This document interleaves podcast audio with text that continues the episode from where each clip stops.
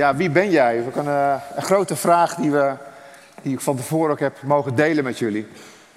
En misschien ken je het wel bij jezelf, hè? als je ook zo in je leven als over jezelf nadenkt van... Hey, wie ben ik? Wat heb ik te brengen? Hoe kan ik betekenisvol zijn in mijn leven? Maar ook de vraag, wat vraagt God eigenlijk van mij?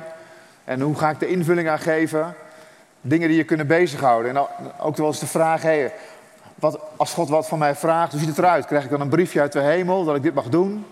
Dat ik naar het land mag gaan of dat ik daarin mag uitstappen? Ehm, en als hij dan ook mij roept, hoe ziet het dan eruit? Hoe ga ik dat leven dan ook dan vormgeven met hem als ik geroepen word? Nou, in die context willen we vanmorgen eigenlijk, daar willen we eigenlijk bij stilstaan. Hoe, hoe ziet dat eruit? En wat heeft God er al voor ons klaargelegd om daarmee aan de slag te gaan?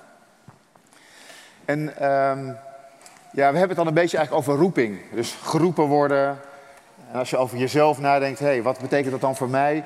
Om de context van roeping, dus ik noem het ook zo. En een roeping, even mijn definitie, heb ik ook zelf een beetje bedacht. Een roeping geeft richting. Een roeping kan je helpen bij het maken van keuzes. En ook bij het stellen van prioriteiten, wat wel en wat niet. Ik geloof ook in deze tijd dat ook heel veel jongeren, maar ook ouderen, wie dan ook, dat het wel lastig is dat er zoveel dingen op je afkomen. Je zegt, waar moet ik wel voor gaan en waar moet ik niet voor gaan? Dat er zoveel afleidingen zijn waar je mee wordt getrokken. Dat je eigenlijk denkt, oh, misschien had ik dat niet moeten doen. Niet dat het slecht is, maar je zegt, ik had eigenlijk iets anders willen doen. Nou, dat heeft, in die context hebben we het over roeping. En in mijn werk heb ik het ook wel eens mee te maken. En dan uh, komen er wel eens mensen naar mij toe die zeggen, ja, dat thema wil ik uitdiepen. En dan nemen we daar tijd voor. Er zijn eigenlijk drie vragen die ik dan met ze doorloop. Neem er tijd voor, doen we niet in 15 minuten. Dus, dat, dus ik laat ze ook zo zien. En die vragen zijn eigenlijk, wie ben ik? En die vraag heeft al heel veel lagen. En maar het introduceerde mij net, dat heeft met rollen te maken, maar wat je doet, wat je voelt, wie je bent, waar je identiteit op baseert, wie ben ik. Dat heeft te maken met wat kan ik, je kwaliteiten, de kwaliteiten die je jezelf toedicht, je talenten die je van God hebt gekregen, maar ook die anderen in jou zien. Er zijn ook vaak talenten en kwaliteiten die je zelf niet ziet, maar die een ander wel van je ziet. Het is heel verrassend als je die vraag wie ben ik ook aan een ander stelt. Wie, wie vind jij dat ik ben? Geeft heel veel nieuwe informatie. En de derde is dan ook de vraag, als je dat weet wie je bent en welke kwaliteiten God in jou heeft gelegd of in jou heeft gebracht, wat kan je daarmee ook in gang zetten? Wat kan je daarmee bereiken? Dus wat kan je daarmee brengen in deze wereld? En die drie vragen die leiden tot een soort omschrijving of een, van wat je zegt, daar zou je, daar zou je kunnen spreken over roeping. Nou, ik vind het een heel leuk onderwerp. En daarom dacht ik, nou, als ik dan toch de gelegenheid krijg om hier vanmorgen te zijn, ga ik het daar gewoon over hebben. En uh, nou, het mooie daarvan is dat ik, ik probeer ook vanuit mijn roeping, roeping te leven. En ik probeer ook aan mijn roeping te werken. En ik wil graag beginnen om jullie mee te nemen hoe ik dat doe. En hoe ik aan mijn roeping werk. En dan te gaan naar een verhaal van hoe Johannes dat ook deed. Want we willen ook uiteindelijk bij Johannes uitkomen. En daarin leren jullie me ook gelijk een stukje kennen. Want doordat ik vertel hoe ik dat doe, leer je ook, krijg ik een beeld van wie ik ben.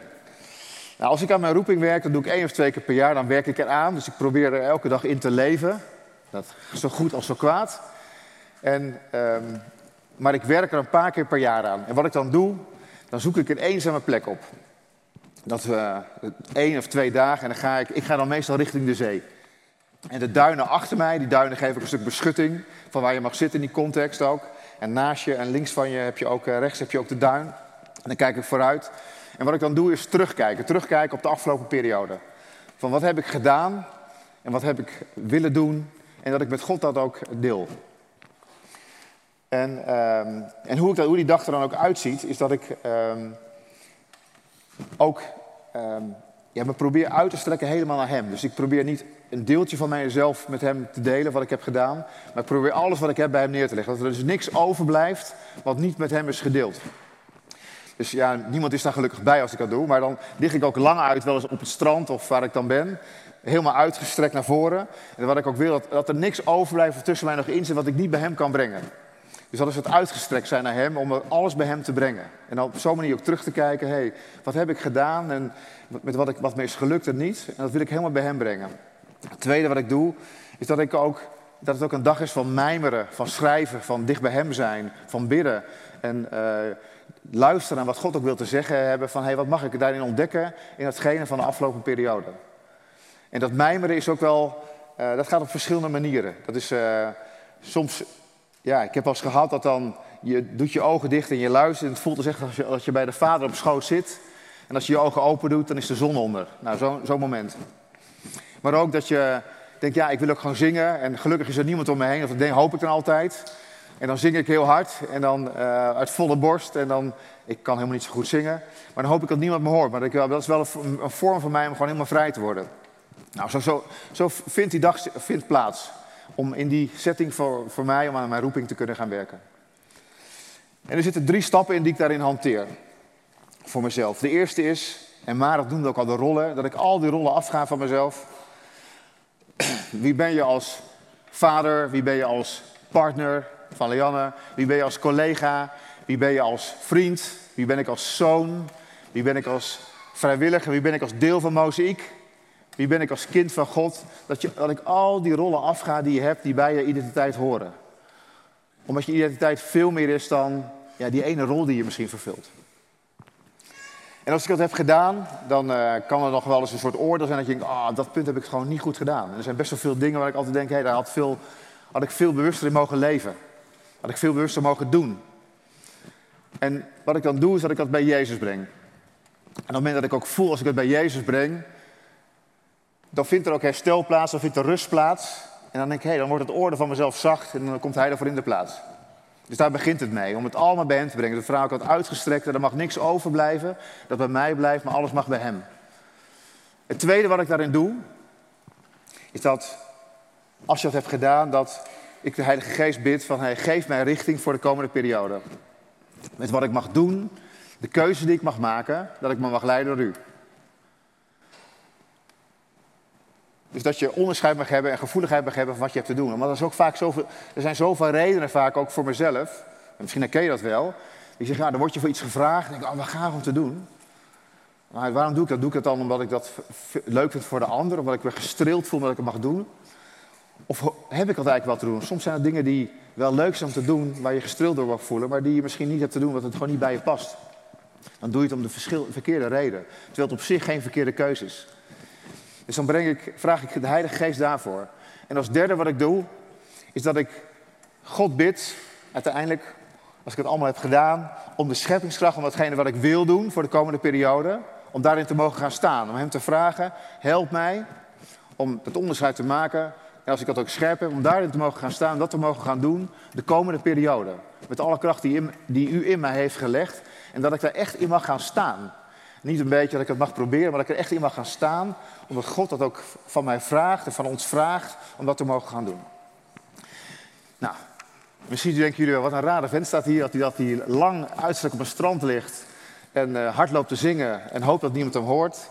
Uh, nou, dan is dat ook een stukje wat bij mij hoort en wat ik dan nu met jullie ook heb gedeeld. En, uh, misschien denken mijn kinderen zelfs, pap, hey, doe je dat? Ja, dat, dat is dan zo.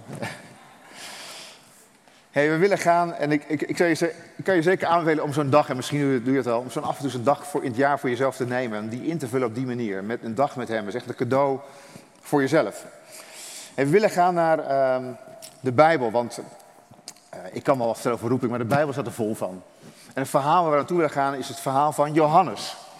Nou, ik denk dat jullie allemaal, bijna allemaal hier in de, gemeente Johannes kennen. Wat was de, de aanvulling van Johannes? Johannes de ik hoor het heel zachtjes. De doper, precies. We gaan naar Johannes de doper. En daar gaan we het over hebben, maar hij, deed, hij was ook met andere dingen bezig. En we gaan lezen, hier heb ik hem staan, Johannes 1 en dan vers 19 tot 23. Jullie kunnen meelezen. En dit is het getuigenis van Johannes. De Joden hadden vanuit Jeruzalem priesters en levieten naar hem toegestuurd om hem te vragen: Wie bent u? Hij gaf zonder aarzelen antwoord en verklaarde ronduit: Ik ben niet de Messias. Toen vroegen ze hem, dat dachten ze waarschijnlijk wel. Toen vroegen ze hem: Wie dan wel? Bent u Elia? Hij zei: Nee, dat ben ik ook niet. Bent u de profeet? Nee, antwoordde hij: Ben ik ook niet. Maar wie bent u dan? vroegen ze hem. Wij moeten namelijk antwoord geven aan degene die ons hebben gestuurd. Wie zegt u zelf dat u bent? Hij zei: Ik ben de stem die roept in de woestijn en maakt recht de weg van de Heer. Nou, dat is, ik vind het antwoord van Johannes al heel bijzonder. Je moet je voorstellen dat uh, Johannes daar in een tijd leefde uh, dat hij Jezus nog niet had ontmoet. Dus hij wist wel dat hij mocht dopen met water. Maar hij wist ook dat er na iemand zou komen die zou dopen met de Heilige Geest Jezus. Op dat moment dat hij dit zegt, had hij nog geen ontmoeting met Jezus gehad. Dus dat ook later dat hij zou zien dat wanneer de Messias zou komen, dat er een duif ook met een teken zou komen dat het de Messias was. Maar op dit moment wist hij nog niet, had hij nog geen ontmoeting gehad met Jezus, lijfelijk. Dus hij, hij leefde al wat hij moest doen zonder dat hij Jezus daadwerkelijk had ontmoet. Dat vind ik al heel wonderlijk in de tijd. En Johannes was bij de Jordaan en hij was daar aan het dopen. En je moet je zo voorstellen dat, hij daar, dat daar zijn werkplek was, dat hij daar zijn, een drukdoende was. En dat er een groep levieten en wetgeleerden naar hem was toegestuurd vanuit Jeruzalem om naar hem toe te komen. En even qua afstand, het was ongeveer, ja, als je nu kijkt op Google Maps, meer dan 100 kilometer. Dus dat zal drie dagen lopen zijn geweest. Misschien wel meer, eh, rechtstreeks door de bergen heen. Maar ze deden er zoveel moeite voor om hem te ontmoeten. En ze waren niet zomaar naartoe, ze waren gestuurd. Het was niet een soort hey, een inspiratiesessie, laten we naar een goeroe gaan die ons wat meer eh, bijdraagt om te kijken wat er gebeurt, wat kunnen we daarvan leren. Nee, het waren de wetgeleerden en de levieten. En de wetgeleerden en de levieten waren in die tijd de mensen die de wet bepaalden. Die bepaalden eigenlijk van hoe moeten wij God eren. En in die tijd leefde men ook vanuit de wet en zo moeten we het doen. En die mensen stonden in één keer voor Johannes. Eigenlijk was het de elite van Jeruzalem, de autoriteit. Het waren niet zomaar burgers voorbijgangers. En uh, Johannes was druk aan het dopen. Al die mensen zie je daar zo staan bij de Jordaan. En dan stonden ze in één keer tussen met de vraag: Wie bent u? Hij moest zich eigenlijk in deze vraag niet zomaar vertellen wie hij was als een open vraag. Wij hebben ons net heel erg welkom geheten, gevoeld. Dat we naar elkaar keken. En wie ben je? Vertel eens wat. Of uh, wat is je naam? En uh, daar, was, daar is geen goed of fout antwoord eigenlijk in, hè, want dat is gewoon wie je bent. Maar Johannes, ja, dat was wel een soort: hé, hey, waarom werd deze vraag gesteld? Hij moest zich verantwoorden. En wat heel mooi is, dat Johannes uh, eerst ontkent, maar dan heel duidelijk zegt wie hij is. En op de vraag wie bent u, zegt hij niet wat hij doet. Hij zegt niet, ik ben Johannes en ik kan heel goed dopen. Want dit is mijn werkplek hier in de Jordaan. Ik heb deze plek uitgekozen. Nou, ik kan ik hier mijn werk heel goed doen. En ik werk met deze mensen samen. Die dopen mee. En we begeleiden zo naar, naar de doopplek. We mochten laatst ook weer dopen. En dan gaan we het zo organiseren. En trouwens, doordat ik het zoveel doe, ben ik er ook best wel goed in geworden. Want ik ben heel ervaren erin geworden. En ik doop ongeveer 50, 100, misschien wel 200 mensen per dag. En dat is eigenlijk wat ik doe. Dat vertelde hij allemaal niet. Op de vraag, wie bent u? Hij zei, ik ben de stem die roept in de woestijn. En ik maak recht de weg van de Heer.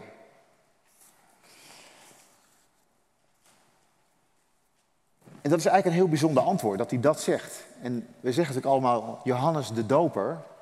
Maar eigenlijk is zijn identiteit, ik ben Johannes, de stem die roept in de woestijn. En ik maak recht de weg van de Heer. En de vraag is ook, hoe vaak krijgen jij en ik de vraag gesteld, wie ben jij? Heel vaak krijgen wij de vraag gesteld, in ieder geval ik tenminste, wat doe je? Of waar ben je mee bezig? Uh, aan het begin van een, ook aan het begin van een schooljaar of aan, als je een nieuwe baan hebt of, of, als je een nieuw project doet. Als je kennis maakt met elkaar op een verjaardag. We hadden gisteren nog een, uh, een borreltje ook. En dan vragen mensen, wat doe je vooral? En dat is eigenlijk wat we dan vaak vertellen, van waar je mee bezig bent. En dan gaat het om met wie werk je samen? Of waar leef je? Waar woon je? Wat doe je? Uh, welke auto rij je? Waar ga je voor? Al dat soort dingen komen vaak aan bod. En daardoor voor mensen een soort beeld van jou. En je vertelt ook vaak welke plekken je bent geweest. En uh, wat is het dan mooi om uh, van Johannes nu al te leren als die vraag komt, wat doe je? Want ik denk dat die vraag vaker komt. Dat je zou kunnen antwoorden eigenlijk van, hé, hey, wie ben ik eigenlijk? En daar een mooie zin of een mooie verhaal van maken wat bij jou past, wat daar antwoord op geeft. En wat zullen die gesprekken dan anders gaan verlopen dan wanneer je dat misschien nu doet? En wanneer, wanneer we mogen leren van Johannes daarin. En die ik ben zinnen, zoals die zin ook van Johannes schold, dat zijn ik ben zinnen waar de Bijbel ook vol van staat. Ik ben zinnen over, en die gaan over identiteit. Want dat, de ik ben is de, er zitten allemaal lagen en dat is de identiteit wie je bent. Wie ben jij als vader? Wie ben jij als moeder? Wie ben jij als kind? Wie ben jij als collega? Wie ben jij als eh, kind van de Vader, als zoon van God, als dochter van Hem? Wie ben jij in alles wat jij doet? Als deel van Mozaïek. Hoe ben je? En lukt het ook om daar zo invulling aan te geven? En het kan helpen om een zin te hebben die, die in alles wat jij doet doorklinkt om je identiteit daarin vorm te geven. En als je kijkt naar de zin ook van Johannes, de zin van, ik, ik roep, als ik zou zeggen, ik ben Jan, de stem die roept in de woestijn en ik maak recht de weg van de Heer. Als ik dat al in de eerste ontmoeting met jullie deel, dan, dan, dan, dan geeft, is dat een zin die iets vertelt over wat mij drijft, wat mij raakt en waar ik voor ga. Nou is, dit, is de zin van Johannes de zin van Johannes, niet mijn zin. Maar het gaat even om hoe dat overkomt als je jezelf zo introduceert. Maar in de Bijbel zijn heel veel mooie voorbeelden van ik ben zin. En ik heb er een paar gewoon uitgekozen. En misschien zeg je, ja, dat is wel een zin die bij mij past of waar ik wat mee kan. Hè? Ik ben gekocht en betaald. Misschien is dat je identiteit. Ik ben geschapen om goede werken te doen. Ik ben Gods kind. Ik ben het zout van de aarde. Ik ben het licht van de wereld. Ik ben meer dan overwinnaar. Ik ben uitgekozen om vrucht te dragen. Dit vind ik zelf ook een hele mooie, staat in 1 Korinthe 15. Ik ben niet de grote ik ben, maar door de genade van God ben ik wat ik ben. Nou, zo zijn er nog veel meer, maar hè, dat zijn zinnen waarvan je zegt, hey, die resoneren bij mij, die horen bij mij. Dat zou eigenlijk wel, ja, dat zou wel een zin kunnen zijn die boven mijn naam, of waar mijn naam, wat achter mijn naam mag staan. Johannes zegt, ik ben de stem die roept in de woestijn en ik maak recht de weg van de Heer. Het was voor hem geen baan, het was voor hem niet een bijrol, hij was ook vrijwilliger, hij was ook zoon, hij deed allemaal andere dingen. Het was zijn identiteit. En je zou ook kunnen zeggen, dit is het geschenk wat Johannes bracht aan deze wereld. Hij was veel meer dan de doper. En de vraag is oké, wat is het, als je kijkt met wie jij bent, wat zou jouw unieke geschenk aan deze wereld kunnen zijn? Johannes deed het met alles wat hij deed, leefde hij zijn roeping. En zijn doel was de weg vrijmaken voor de Heer. Want Jezus kwam na hem. En het enige wat hij deed was roepen in de woestijn. Nou, dan moet ik aan denken aan plekken waar nog niet Jezus was. Waar nog andere dingen zijn, waar je alleen kan staan. En waar hij riep om de weg vrij te maken voor God, voor Jezus. En met alles wat hij deed, deed hij dat. Dus in alle rollen die hij had, deed hij dat. Dus ook als zoon, als vriend, als collega. Uh, was hij daarmee bezig. Er was niet een soort iets wat hij alleen deed als hij doopte, maar op alle plekken van zijn leven. Was hij bezig, hoe kan ik de weg gerecht maken voor de Heer? Zijn identiteit was volledig op Jezus gebaseerd. En het mooie van dit verhaal van Johannes, je kan zeggen, ja, voor Johannes was het makkelijk. Want voor hem was de roeping duidelijk en uh, hij kende misschien al Jezus. Maar ook in die tijd was het een hele, andere, een hele rare, rustige, onrustige tijd. Er was een tijd voor Jezus en een tijd na Jezus. Mensen kenden Jezus nog helemaal niet. Mensen hadden over Jezus eigenlijk nog helemaal niet gehoord. De wet was regeerde en Jezus regeerde nog niet. En hij voelde, daar mag ik in gaan stappen. Er was een tijd waarin veel veranderde. Ik kan me ook voorstellen voor alle tieners die hier zitten, maar ook voor ons allemaal. We leven in een tijd van verandering, waar zoveel op je afkomt waarvan je denkt, ja, waar moet ik beginnen om in die roeping te gaan staan? Maar Johannes zei, ik mag in een tijd van verandering, in een tijd van dat ik me al roep in de woestijn voel, mag ik hetgene doen wat ik mag gaan doen. En dat is eigenlijk niet anders dan de tijd waarin wij leven, waar ook een tijd is waar veel mensen misschien Jezus kennen, maar veel meer mensen Hem nog niet kennen. Dus onze tijd is niet zo heel erg anders. Dus net als Johannes zijn geschenk Hey, wat mag jij als geschenk daarin brengen in deze tijd? Wat mag jij, in welke woestijn mag jij soms wel eens zijn en daarin datgene roepen waarvan je denkt, dat vraagt God van mij. En het mooie is om daar ook, eh, als je kijkt naar wat God daarover zegt, is dat ehm, God al heel vroeg heeft gezegd eigenlijk van, hey, we hadden het over van, hoe werkt het als God mag roepen, als God mag spreken, wat mag ik doen in mijn leven? Dat God daar eigenlijk heel duidelijk in is geweest. Al in Genesis heeft hij gezegd wat hij eigenlijk vraagt voor ons, wat we mogen doen.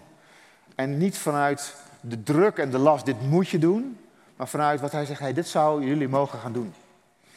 En in Genesis staat er ook al van, ehm, zorg dat je met wat je doet vruchtbaar bent. Zorg dat je met wat je doet, dat je talrijk mag zijn. En zorg ook dat je eh, voor de wereld zorgt en voor de natuur en dat je haar onder je gezag brengt. En ik vind het woord gezag eigenlijk heel mooi. Je kan daar, als je het gezag is dat je, dat heeft er heel erg te maken dat je je plek daarvan mag innemen. En dat je vanuit de plek die je inneemt, datgene mag doen wat je wil doen, wat God van je vraagt. Gezag. En dat heeft niet te maken met dominantie, maar met je zegt, dit is echt alles wat in mijn leven en identiteit. En op die manier mag ik daar gezag over hebben. En God zegt het in Genesis al, aan het begin van de wereld. En daarna zei hij, en toen was het goed. Nou, dan denk ik altijd, als God zegt, toen was het goed, dan is er vreugde en blijdschap in de hemel. Dat is niet zomaar iets. Dus als God deze opdracht bij ons heeft neergelegd, dan mogen wij daarin gaan staan. En soms kunnen we wel eens twijfelen en zeggen, hey, wanneer mogen we gaan? Dat briefje uit de hemel. En afwachten, mag ik links of rechts gaan? Wat mag ik doen in grote of in kleine dingen waar ik mijn hart voor, voor maak? Dan zegt God al lang, heel lang geleden, je mag gaan. Je mag die verantwoordelijkheid, die heb je al. Dan mag je gaan staan en dan mag je gezag over hebben op de plek waar je bent.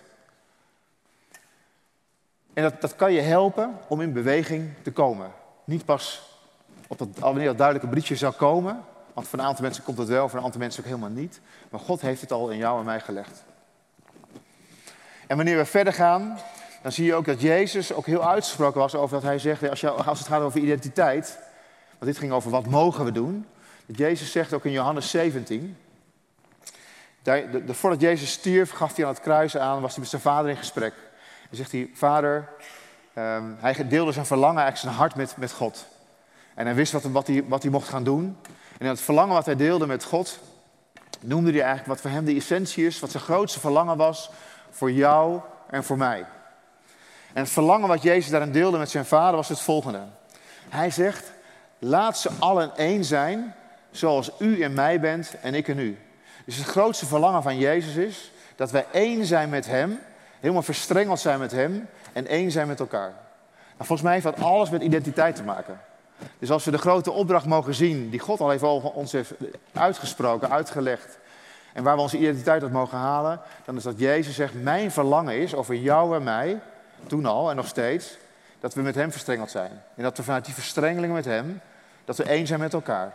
Dat we altijd bij Hem zijn, aan Zijn voeten. En als we die bij elkaar brengen, ja, dan gaat er iets heel wonderlijks ontstaan.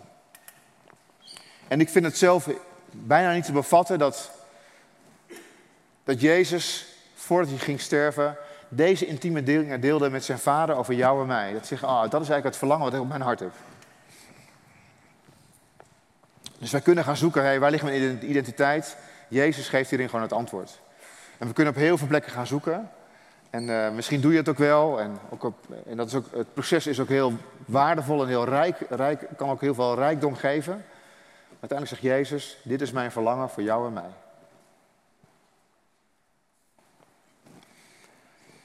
Dus God vraagt aan jou en mij: wat kunnen we brengen wat er nu niet is, met vanuit zijn liefde, zijn identiteit in deze wereld? Dus wat kan jij brengen in deze wereld van waar er wellicht tekort van is en wat niet mag ontbreken? Dus als je kijkt naar die grote opdracht van God, wat Hij voor ons, bij ons heeft neergelegd en het verlangen van Jezus, wat kunnen we daarmee doen hier?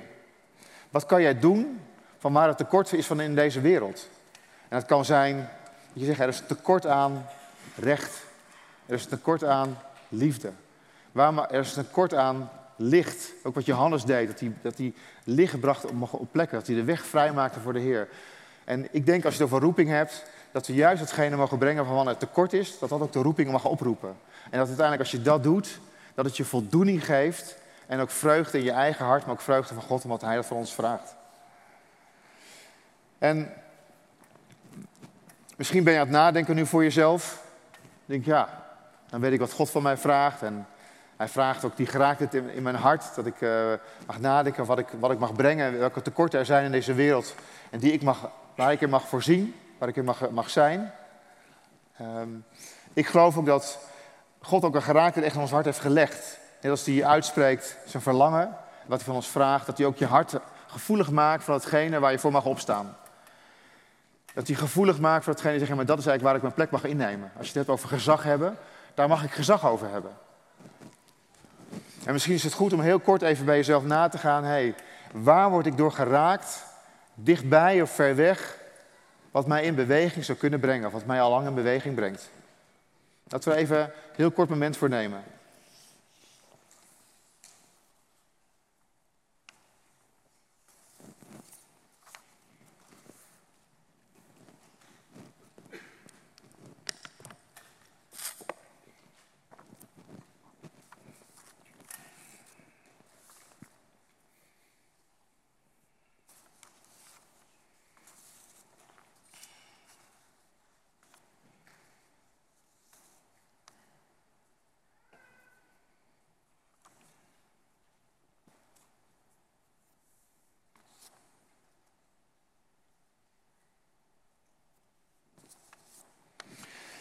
Ja, en ik, ik geloof dat als er iets in je opkomt, dat God zegt daarvan, daarin mag jij opstaan.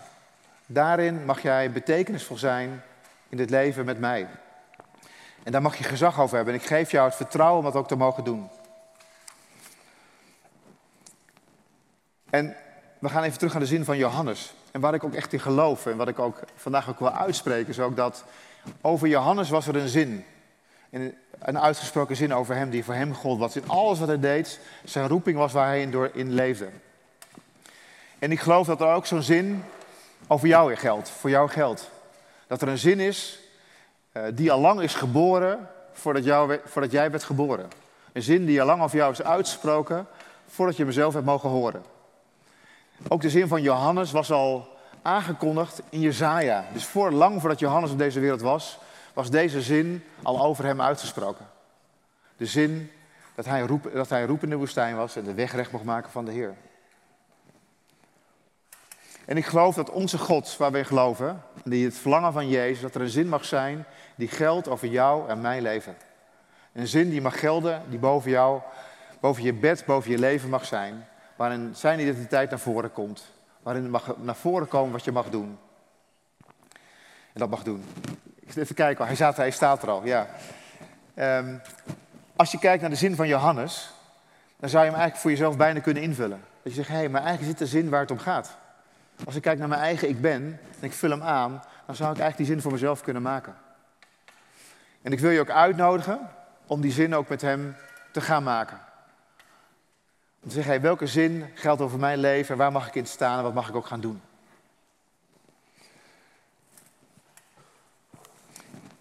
En misschien is het mooi om ook uh, ja, daar ook een gebed voor uit te spreken.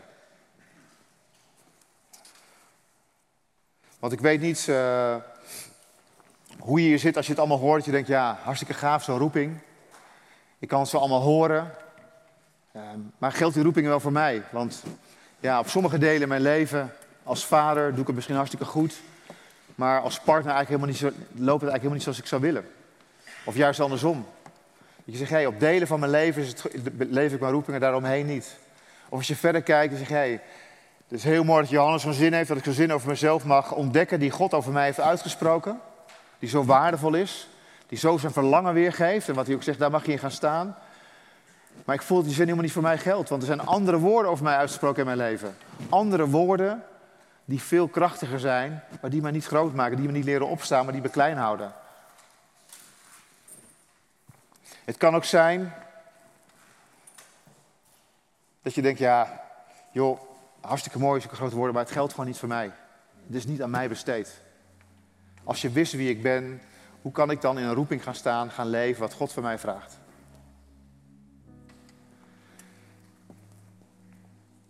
Want het is gewoon niet gelukt op een aantal plekken in mijn leven.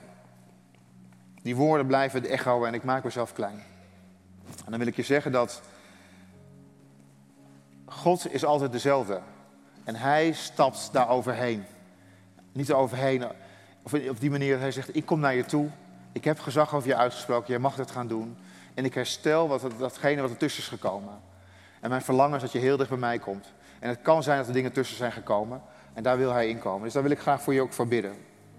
Dus laten we dat even doen. Trouwe Vader in de hemel.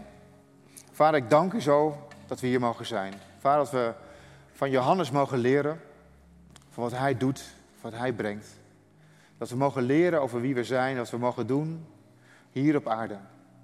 Vader, dat u ons leert waarvoor we in beweging mogen komen, waardoor we geraakt worden wat u van ons vraagt.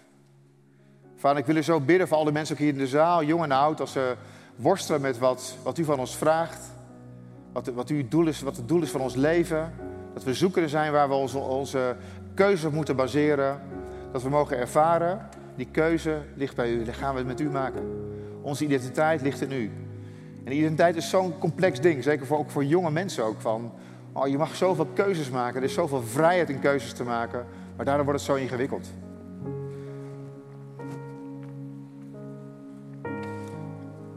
En vader, bidden, daarom bidden we u dat u dat laten ervaren. Dat we echt verstrengeld mogen worden met u. En vader, we bidden u dat we, hoe we hier ook zitten, dat we echt voelen wat uw opstandingskracht mag zijn. Dat we echt daarin mogen gaan staan in de zin die ook voor Johannes geldt, dat die ook voor ons mag gelden, onze eigen zin. Dat we mogen opstaan dicht bij u te komen. En vader, wilt u die woorden die zijn gesproken over ons, die niet van u zijn, die willen in de naam van Jezus ook verbreken hier. Willen u bidden dat als we op het delen van ons leven gewoon pijn ervaren, dat we niet de rol vervullen die we mogen vervullen in de naam van u. Zoals we het graag zouden willen doen, dan bidden we dat, dat, dat het hersteld mag worden. En dan bidden we dat we gewoon kracht mogen ervaren om op alle plekken in ons leven dat wel te mogen gaan doen. Vader, wilt ons daarmee helpen. U wilt ons daarmee vullen met, die, uh, met uw ongelooflijke scheppingskracht. Vader, als je denkt, ja, ik geloof het, het klinkt allemaal heel mooi en ik geloof het allemaal wel, ja, dan wil ik je bidden om bij je hart te komen. Dat Jezus mag laten ervaren dat het voor jou geldt. Want er is hier niemand in deze zaal waarvan u niet heeft gezegd, mijn verlangen is dat, ik, dat je heel dicht bij mij bent en dat ik helemaal verstrengeld met jou ben. En er is hier niemand in de zaal waarvan God niet zegt, joh, ik wil je gezag geven over de plekken waarover je mag, waarover je mag heersen. Vanuit je geraakt het waar je bent, dan mag je doen, dan mag je in opstaan. niet een beetje, maar met alles wat je bent, met alle rollen die je hebt.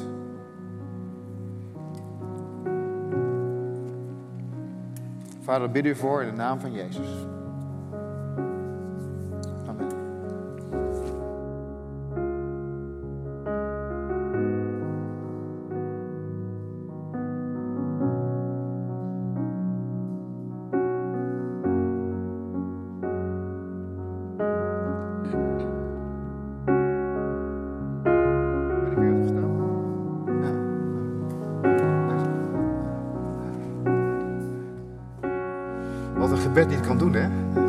Wegvalt.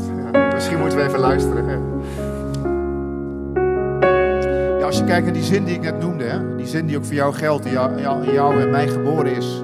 Van je zegt, hé, hey, waar mag ik in gaan staan en waar mag ik kracht uit putten met alles wat ik doe? Misschien zijn er drie vragen die je kunnen helpen voor de komende periode. Vragen die, en veel van jullie gaan nog op vakantie. Nou, en als je niet op vakantie gaat, uh, in je stille tijd, dat je eigenlijk drie vragen mag, voor jezelf mag doornemen. Wie ben ik vanuit die identiteit met Hem? En het tweede, waar word ik door geraakt? Waar mag ik in opstaan? En als derde, wat mag ik dan ook doen? Waar mag ik daarvoor in beweging komen met Hem? Om impact te hebben in deze wereld. Het woord impact horen we ook zo vaak. Hoe mag ik impact hebben? Om daarmee impact te hebben. In het klein en in het groot. Aan het begin liet ik ook de zin zien, waar ben ik goed in? Ik denk dat die ook meespeelt. Als je, als je weet waar je goed in bent, dat je nog, meer, nog scherper weet wat je mag doen. Maar ik denk dat dit de essentie is van, hé hey, God, u vult mijn geraaktheid. U laat me zien wie ik ben. Daarmee mag ik volledig bij u komen. U laat me ook zien wat het me nog niet is gelukt. Kom ik ook volledig voor bij u. En met daarmee ga ik ook aan de slag met wat ik mag brengen. Wat, wat is daarmee mijn grote geschenk aan deze wereld? En welke tekorten die er zijn, mag ik daarmee gaan vullen op de plekken waar ik kom. En we gaan zo het lied uh, Make Room zingen. Ik wil je ook echt aanmoedigen. De ministries teams komen hiervoor en ook daarachter. Om juist ook daar naartoe te gaan en zeggen, joh, ik leef al lang in mijn roeping. Want misschien dat jullie al, een aantal van jullie zeggen, joh, maar dat doe ik al lang. Ik, uh, ik, ik ben volledig, mijn identiteit ligt volledig in hem. Ik doe wat hij van mij vraagt. Dan wil ik je ook aanmoedigen om nog meer van zijn kracht ook gewoon daarvoor te bidden. Want we mogen ook bidden voor nog meer kracht van hem, nog meer scheppingskracht om hetgeen te doen wat we willen doen. En wanneer je ook denkt, oh, die woorden zijn niet voor mij, dan wil ik je bidden. We geloven dat die woorden voor jou zijn, dat we je gaan vervullen met die woorden van Hem. Dat die heel dichtbij mogen komen. En dat Hij in alle onderdelen van je leven ook daar een plek in mag, hebben. Dus kom ook dan naar ministry toe. En ik wil ook zeggen, het is voor jong en oud. Dus voel je vrij om daar ook voor te gaan. En, uh, deze mensen, die, die, staan ook voor om voor jou te bidden. Niks lief, wat ze willen tot bij God brengen. Maak er gebruik van en vertrouw daarin op Hem. Want Hij zegt, ik verlang om heel dicht bij jou te zijn. En ik heb een grote opdracht met jou, maar die wil ik gewoon met jou doen. En daardoor wordt het ontspannen. En is het geen juk, is het geen last. Maar dan mag je het met mij gaan doen. En dan gebeuren er hele gave dingen. En dat wens ik jullie ook toe in de naam van Jezus.